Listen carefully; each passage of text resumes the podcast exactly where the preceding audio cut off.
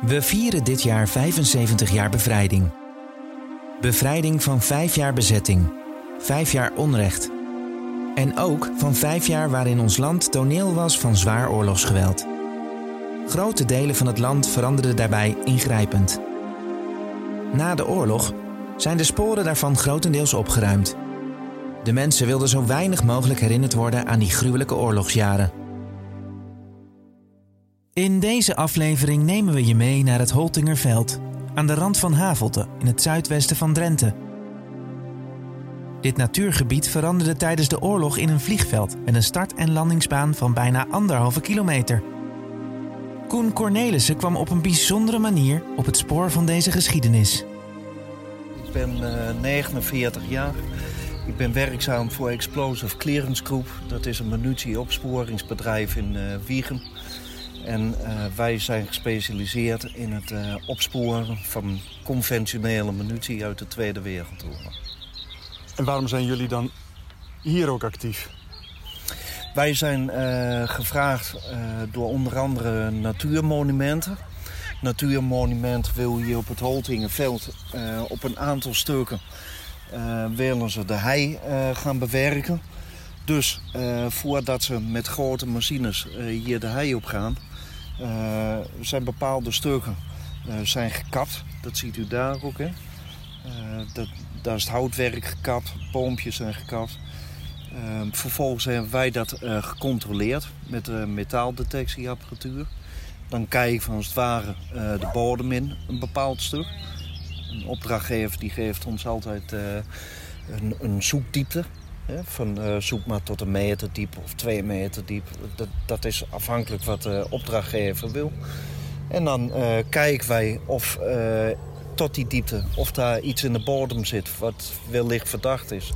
Als het verdacht is, dan gaan we dat benaderen, zoals dat heet. Dus dan gaan we kijken, wat is het?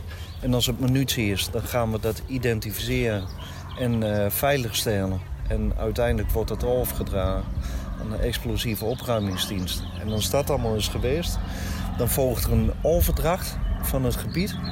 En uh, dan kan wie dan ook op dat stuk grond, wat wij uh, vrij hebben gegeven, gewoon uh, veilig hun werk doen. En heb je veel gevonden? in dit geval kwamen van de stad landingsbaan een drietal restanten van bommen af. Van brisantbommen. U moet zich voorstellen, die zijn uh, vanaf grote hoogte zijn die, uh, omlaag gegooid. Een bom, uh, daar zit een ontsteker op. In de munitiewereld heet zo'n ontsteker een buis, een bombuis. En zo'n bombuis die moet gewapend worden. Dus op het moment dat die afgeworpen wordt... dan wordt er als het ware een, een draad uitgetrokken. Die bom, dat projectiel, dat zuist omlaag.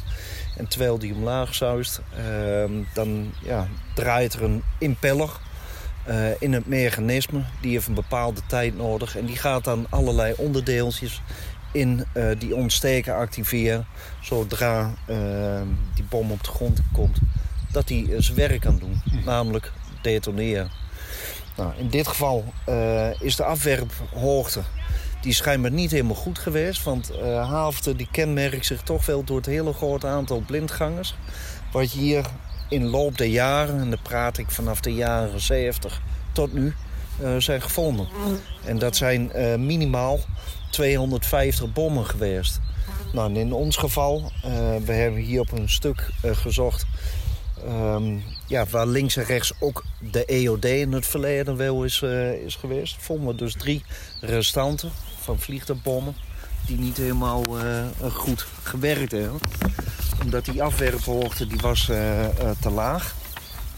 En daardoor zijn die bommen als het ware gewoon op de, op de grond gevallen en in stukken gevallen. Dus wat ligt er dan? Er ligt er een halve vliegtuigbom met in dit geval 15 tot 20 kilo springstof erin. En de ontsteker ligt er dan gewoon naast.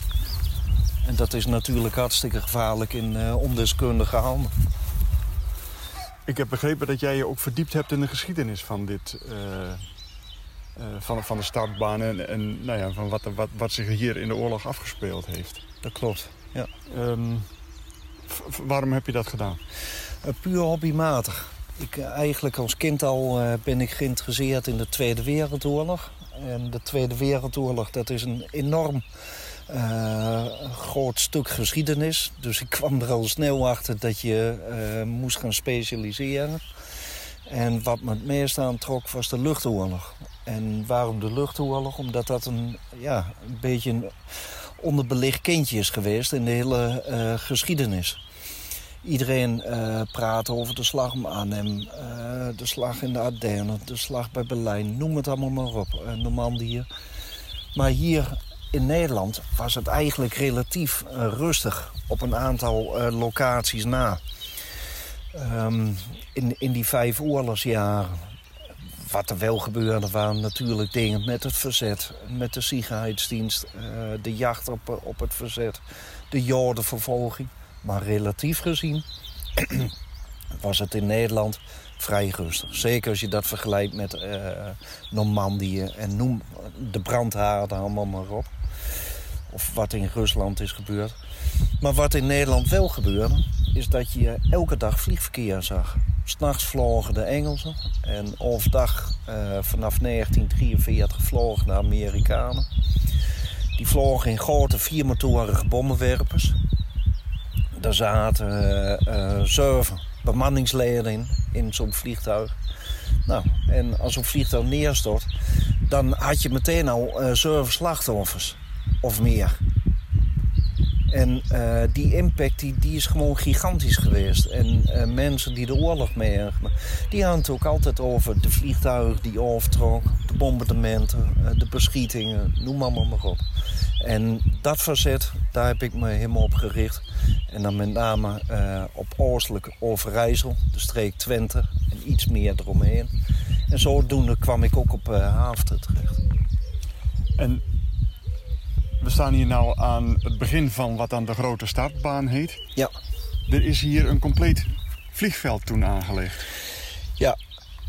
Uh, uit mijn hoofd ergens in uh, 1942 uh, begonnen de Duitsers hier met de aanleg van het vliegveld. U moet zich voorstellen, dit Holtingenveld...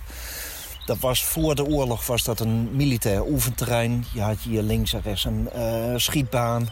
Uh, dat soort dingen. Maar voor de rest was dit allemaal een natuurterrein. Dit was een ongerept uh, gebied. Met een archeologisch waarde ook. Want end verderop uh, liggen de hunebedden.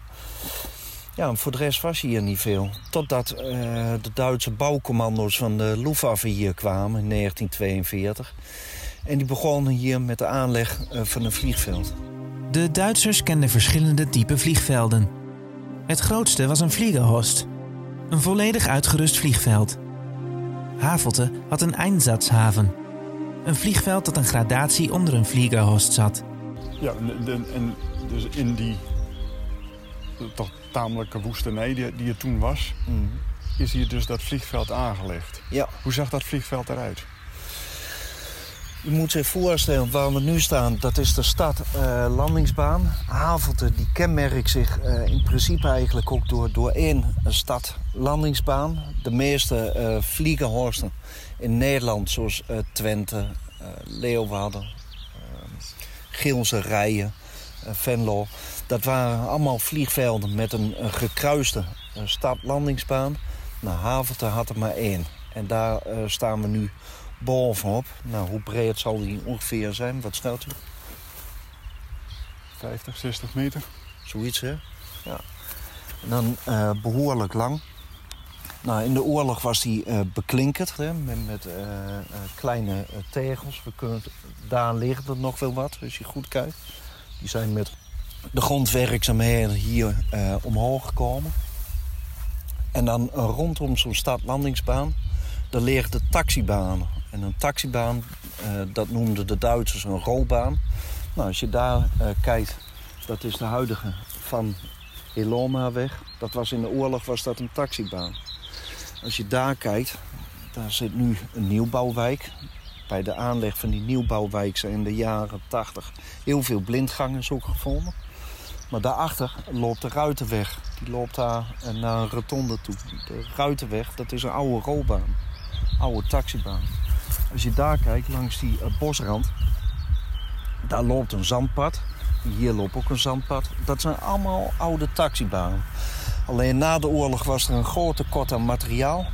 Dus in 45, 46 hebben ze overal uh, de stenen weggehaald. Voor die taxibanen waren ook bestraat? Die waren allemaal bestraat, ja.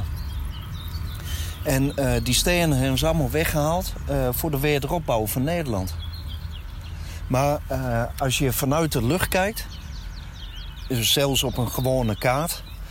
dan, dan zie je eigenlijk de complete infrastructuur, die zie je nog. En als je daar uh, de bossen in zou gaan...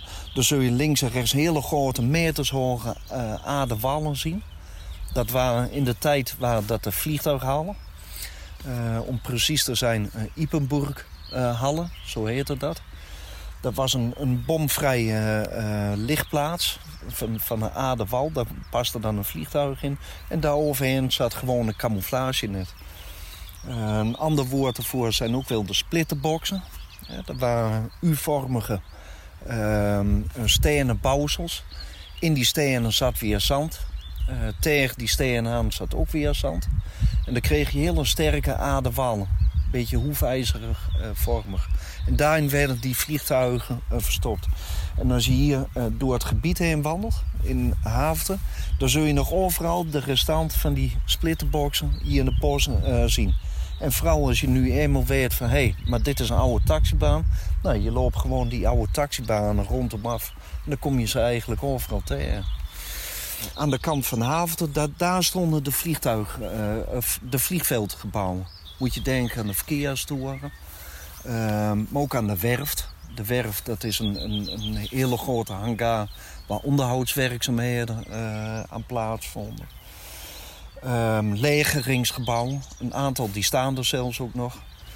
Um, al dat soort zaken. Maar dat, uh, het, het, meeste van die vliegveldgebouwen is allemaal weggehaald. Links en rechts uh, is nog een gebouw te zien, maar dan moet je echt precies weten wat wat is. Een heel eind buiten het vliegveld aan de Duitsers ook eigen barakkenclusters gemaakt. Daar, een gedeelte ervan die bestaat nog steeds. Dat zijn allemaal stenen barakken met muren ongeveer te breed van anderhalve meter. Aan de buitenkant ziet dat eruit als een boerderij. Um, ja, dat is gewoon een vorm van, van camouflage, misleiding. Dat zijn eigenlijk gewoon bunkers. En daarin uh, konden de manschappen slapen. Het vliegveld was ook zo ingericht dat eventueel vliegenpersoneel... dat sliep uit veiligheidsoverweging niet op het vliegveld maar uh, in Steenwijk. En die gingen gewoon met de auto op en neer. Waarom? Je wist nooit of het vliegveld wel of niet werd gebombardeerd. Nou, en in een latere fase eh, van de oorlog... En ze in de richting eh, van het Hunebed. En ze, uh, zijn ze begonnen met, met de aanleg van een tweede stadlandingsbaan. En die staat eigenlijk haaks hierop. Maar die heeft geen aansluiting met de hoofdstad- uh, en landingsbaan waar we nu staan. Maar die ligt ook weer helemaal vrij op zichzelf. En die ligt haaks hierop en die loopt zo richting Wapseveen. Maar die is nooit als dusdanig gebruikt. Want die hebben ze nooit meer op tijd afgekregen.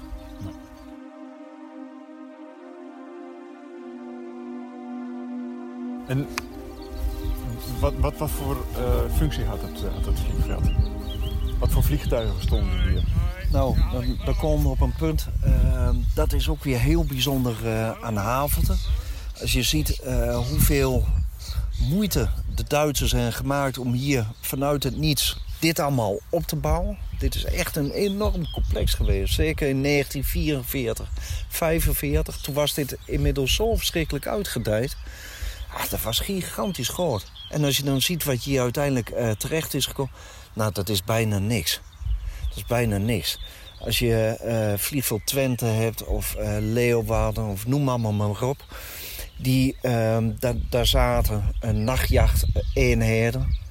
Die zaten daar voor twee, drie jaar. Die waren daar gestationeerd en dat was een vaste basis. Dat heb je hier op Haventen nooit gehad. Wat je hier wel is geweest, is dat uh, bijvoorbeeld de achterstaffel van de nachtjachtgezwaarde 1... dan praat je over een escadrille van, van ongeveer 12 tot 14 vliegtuigen... die in Haventen is een keer gebruikt als uitwijkvliegveld. Uh, die achterstaffel die maakte deel uit van de derde groep van nachtjachtgezwaarde 1. Die was vanuit Twente uh, via Frankrijk uiteindelijk terechtgekomen op uh, vliegveld Leeuwarden. En een staffel ervan.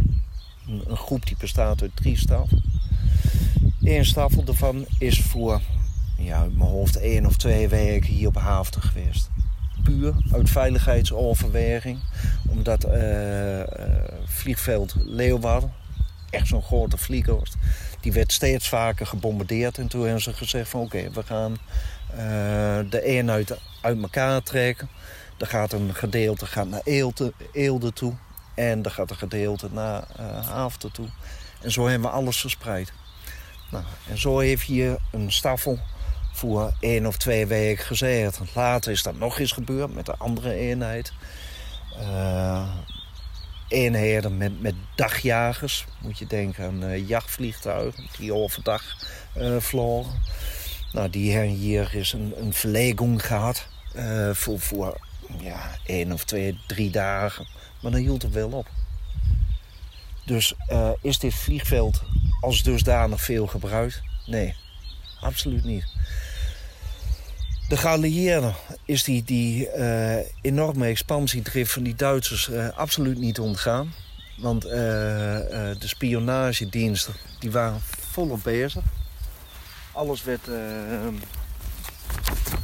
in de gaten gehouden door mensen van het verzet. En die berichten gingen onder andere via groep Albrecht naar Londen toe. Nou, in Londen werden die gegevens uh, allemaal verzameld. Van alle vliegvelden eigenlijk in heel Europa. Zo ook van Haafden. En van Haafden is behoorlijk veel materiaal uiteindelijk bewaard gebleven. Waardoor het verzet allemaal bij elkaar is vergaat. Nou, de geallieerden die hebben dat gewoon bewaard. En dan ehm, ja, gaan we een sprong maken in de tijd. Van, je hebt hier links en rechts wel uh, grote luchtgevechten in de buurt gehad. Onder andere op 15 augustus 1944. Toen zijn hier verschillende vliegtuigen uh, aangeschoten. Met name Duitse jagers. Um, er is er eentje geweest die heeft hier meen nog een noodlanding gemaakt. Later op de oorlog zelfs hier op de kop van de baan een Duitse straaljager, Messerschmitt 262, die een neurstandje heeft gemaakt. Dat is ook nog gebeurd. Um, links en rechts zijn hier toen beschietingen geweest. Losse bombardementen. Dat, uh, dat heeft uh, hier regelmatig uh, plaatsgevonden. Maar um, in het kader van de slag om Arnhem... en dan gaan we naar september 1944 toe... Toen heeft de Royal Air Force uh, in voorbereiding al op de, uh, op de slag om Arnhem... En ze gezegd van oké, dat vliegveld Haafden, dat vertrouwen we niet helemaal. Dat gaan we eruit gooien. Nou, en in begin september 44 is hier een hele grote aanval geweest, nachts, van de Engelsen. Daar hebben ze tonnen bommen neergegooid. Um, later, ik dacht op 16, 17 september 1944 is er s'nachts weer een hele grote aanval geweest... met Avro Lancasters onder andere. Die uh, tonnen aan, aan, bommen hier op die stadlandingsbaan en omgeving uh, afgeworpen. Nou, en uh, kort daarna begon natuurlijk de slag om Arnhem. Toen werd het hier een tijdje stil. En uiteindelijk, op het einde van de oorlog, op 24 maart 1945... Toen heeft de Amerikaanse luchtmacht, de, de USA, overdag... Uh, verschillende vliegvelden in Nederland aangepakt. Waaronder vliegveld uh, Twente, ook Havelte. En nou, toen, toen is er hier helemaal gigantisch van langs gegaan. Zijn ze hier overdag naartoe gevlogen met Boeing B-17's. Met name dit stuk, daar, daar zijn ook luchtfoto's van, met de aanval. Dan zie je een grote rookwolk. Ja. Die hele uh, stadlandingsbaan die lag er toen uit. Dat was eigenlijk het einde van uh, Vliegerhorst Havelte. Ja, ja veldvloekplaats. Hè? Of ja. Ja, ja, ja. ja. ja dat was toen echt helemaal... Uh, die, die stadlandingsbaan die werd volop getroffen. Met name dit gebied waar we nu staan. En hier kwamen die restanten ook uit. En dat was ook een vraag wat we van mensen kregen. Van, van ja, maar de EOD is hier toch geweest? Ja, dat klopt. Maar de EOD is meer uh, een, een, een, een tak van defensie wat munitie uh, vernietigt, opruimt. Maar het is niet echt een, een munitieopsporingsbedrijf. En dat is Explosive Clearance Group, is dat wel. Dat is ons werk. Wij maken uh, netjes, als we bijvoorbeeld dit uh, hier onderzoeken... Die, die hele stadlandingsbaan, tenminste het gedeelte wat we moesten onderzoeken... Dat, uh, daar hebben we vakken van gemaakt. Maken we vakken van 25 per 25 meter. En die worden dan minutieus onderzocht op de gewenste zoekdiepte. zoekdiepte. En de diepte hier was? Uit mijn hoofd ongeveer een meter. Om veilig te werken. Ja. En dan zult u zeggen van waarom uh, dan niet alles? Nou, dat heeft gewoon te doen met kosten. Ja. En uh, waarom ook niet de hele stadlandingsbaan? Ja, dat is eigenlijk hetzelfde antwoord. Want als je hier kijkt, kijk, hier zie je dat er een stukje gerooid is. Zie je dat? Hier helemaal langs. En we kunnen zo meteen wel een stukje verder, dan ga je ook uh, bomkraters, die ga je nog gewoon zien. Um, nou, dit, dit gerooide, dat hebben we allemaal onderzocht. Maar als je dat gas uh, daar ziet... Nou, daar uh, vinden in principe geen werkzaamheden plaats van natuurmonument. Dus hebben we daar ook niks hoeven te doen. Want dan is er geen gevaar dat er iets uh, tot ontploffing komt? zolang ze daar niet met machines of dat soort dingen bezig gaan, niet. Nee, maar de kans is wel behoorlijk groot dat er nog wat in de grond zit. Dat kan zomaar zijn, ja. Ja, zeker. Dat die, die, je weet pas uh, of er iets in de grond zit op het moment dat wij opgespoord hebben. dat doen we middels uh, detectieapparatuur. Daar kunnen we, als we willen, uh, vier meter diep mee, mee zoeken. We dat is wat anders dan, dan die de detectieapparaten waar je de hobbyisten mee rond ziet lopen. Ja, dat, dat is een heel ander iets. Ja. Dat zijn uh, metaaldetectors uh, waar u die hobbyisten mee ziet. Daar, daar, zoek je muntjes mee. Die gaan ja, afhankelijk van de zoekdiepte zeg maar 30 uh, centimeter tot een meter diep. Maar, en die zoeken ook edelmetaal. Hmm. Wij zoeken juist ferrometaal. Ferrometaal is ijzer. En onze detectieapparatuur, dat zijn magnetometers. Die uh, detecteren dus alleen maar ijzer. Waarom ijzer? Omdat uh, het gros van munitie, dat is eigenlijk alleen maar ijzer. Dus daar zijn we naar op zoek. Nou, en uh, dat kunnen we tot 4 meter diep. Als we alleen al zo met zo'n bomlocator hier over het terrein gaan. We kunnen ook dieptedetectie gaan toepassen. Dan kunnen we tot 10, 15 meter diep kunnen we detecteren. Dan gaan we buizen in de grond slaan. En dan laten we een zoekzonde afzaken. Nou, dan controleer je het hele gebied. Is dat hier nodig? Nee, want uh, haverte, dat kenmerkt zich door een zandgrond. En uh, projectielen wat uit de lucht valt, ja, die, die dringen de bodem in. En die komen uiteindelijk op een hele harde zandlaag terecht. En daar ketselen ze als het gewoon op af. En daarom zie je ook vaak de bommen, die hebben een invalhoek, indringhoek die raken ergens de harde ondergrond. Die zit hier meestal nou, twee meter diepte. Daar ketst het projectiel op af en die schiet gewoon weer omhoog. En dan zul je zien dat je op Haafte, ja, nou ja, hou, hou vier meter aan, maar dan houdt het echt wel op. Dan houdt het echt wel op. En dan tussen die vier meter, soms tot aan, uh, nou, net onder het oppervlakte, uh, liggen die projectielen. En dat is hier in het verleden ook geweest, dat ze net onder het maaiveld een, een vliegtuigbom uh, vinden. Dat komt dus daartoe.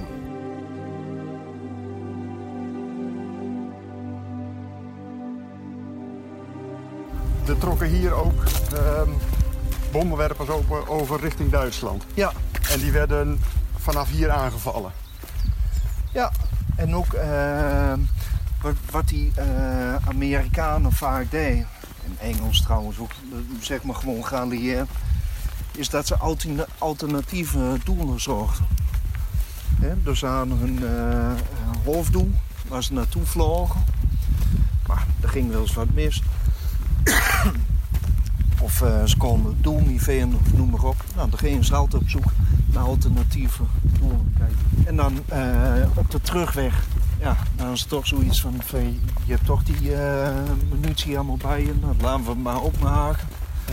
En dan werd een, een vliegveld uh, aangevallen. Dat is hier ook meermaals gebeurd. En dan waren de Amerikanen dus al begonnen met, uh, met, met het afbreken van het vliegveld, zullen we maar zeggen. Ja, ja. Maar na, na de oorlog is het, uh, was het vrij snel gebeurd dus. Met, uh, met, met, nou ja, met alle, alle bestrating die er was en de gebouwen eromheen. Ja, wat er ook nog bij hoort is daarachter. Daar heb je het hunebedhuis. Je moet zich voorstellen, dit werd allemaal verdedigd door vlak. Vlak betekent vloekzooikafweerkanonen. Luchtdoelgeschut. Daar stond een grote stelling. Daar stond een grote stelling. Uh, heel kenmerkend weer van Haverte. Uh, die kerels die hebben ook succes gehad. Die hebben verschillende vliegtuigen uh, aangeschoten. Waaronder een Amerikaans PR-38 Lockheed Lightning. En later een uh, Boeing B-17 die daar die richting op is neergestort. Daarachter zat nog een groot Joods werkkamp. Dus hier stond overal uh, bebouwing. Je had hier zelfs spoorlijntjes lopen. De, als je daar straks kijkt, dan zul je ook zien dat daar nog een stuk smalspoor staat. Zo groot was dit gebied. En die infrastructuur die was natuurlijk vreselijk interessant na de oorlog. Dus wat je na de oorlog krijgt, en dat zie je wel hier in de archiefstuk... dus gewoon opgemerkt hoeveel kilometers loopgraaf uh, er was... hoeveel kilometer loopgraaf er beschut was met, met planken, noem maar op... hoeveel gebouwen er waren, et cetera, et cetera. Alles werd in kaart gebracht. Ja, en daarna begon één grote rooftocht. Want er was niemand die interesse had bij dit vliegveld. Helemaal niet. En ja, dat is gewoon uh, ontmanteld en eigenlijk in loop der jaren teruggegeven uh, aan de natuur.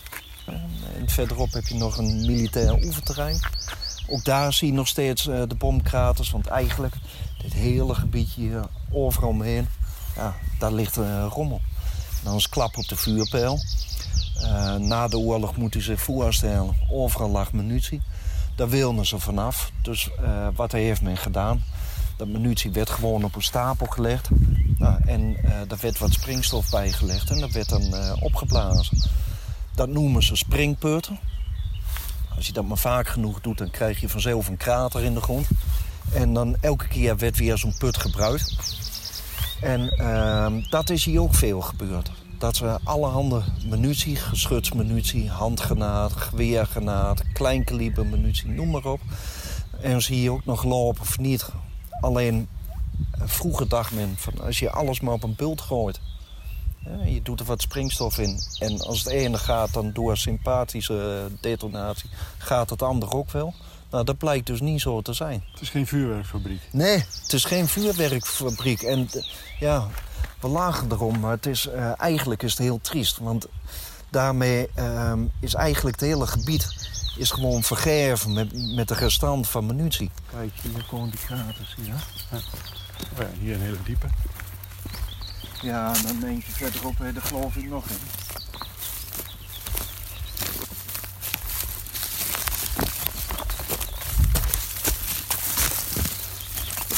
Ja, dat is het beste. Ja.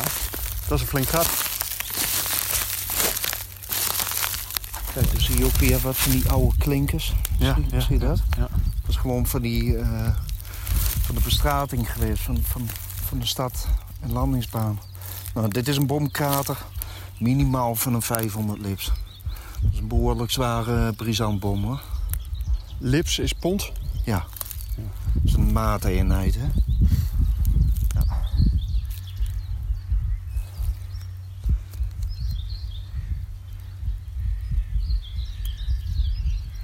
Het is een mooie, stille getuige uit die tijd.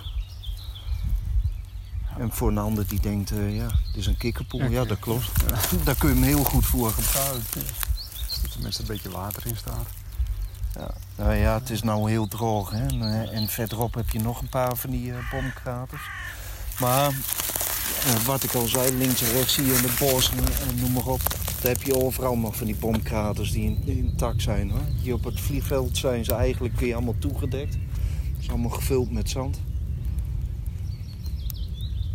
Maar als je staan niet raad te kijken, dan zie je door het landschap loopt dat je in één keer een groot gat ziet. Ja, dat zijn bomkraters. Ja. En dan zie, zie, zie, je dus in het landschap nog heel veel restanten van, uh, van dat vliegveld. Hoe wordt daar nu mee omgegaan? Natuurmonument heeft, uh, wat dat betreft doen ze dat heel netjes. En hier mooi een, een, een zandpad uh, langs gelegd. En ze hebben eigenlijk de, de contour van, van het vliegveld... en ze eigenlijk laten liggen. Ja, je had ook de natuur zijn gang kunnen laten gaan... en dan was het onder een bos verdwenen. Dan was het onder een bos verdwenen, ja. ja.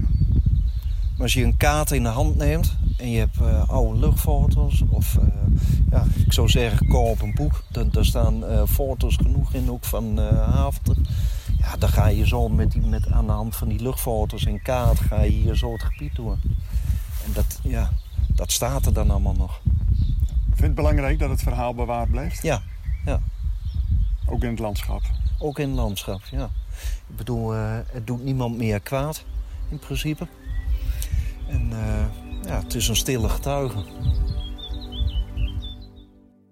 Dit was het vijfde deel van de podcastserie over de sporen van de Tweede Wereldoorlog in de gebieden van natuurmonumenten ter gelegenheid van 75 jaar bevrijding. Meer informatie over de oorlogsmonumenten in onze gebieden vind je op natuurmonumenten.nl/slash bevrijding. Wil je geen aflevering van deze podcast missen? Abonneer je dan in je favoriete podcast-app. En wil je meehelpen de natuur en het culturele erfgoed in Nederland te beschermen? Kijk dan op www.natuurmonumenten.nl/slash. Bedankt voor het luisteren naar deze aflevering van Puur Natuur.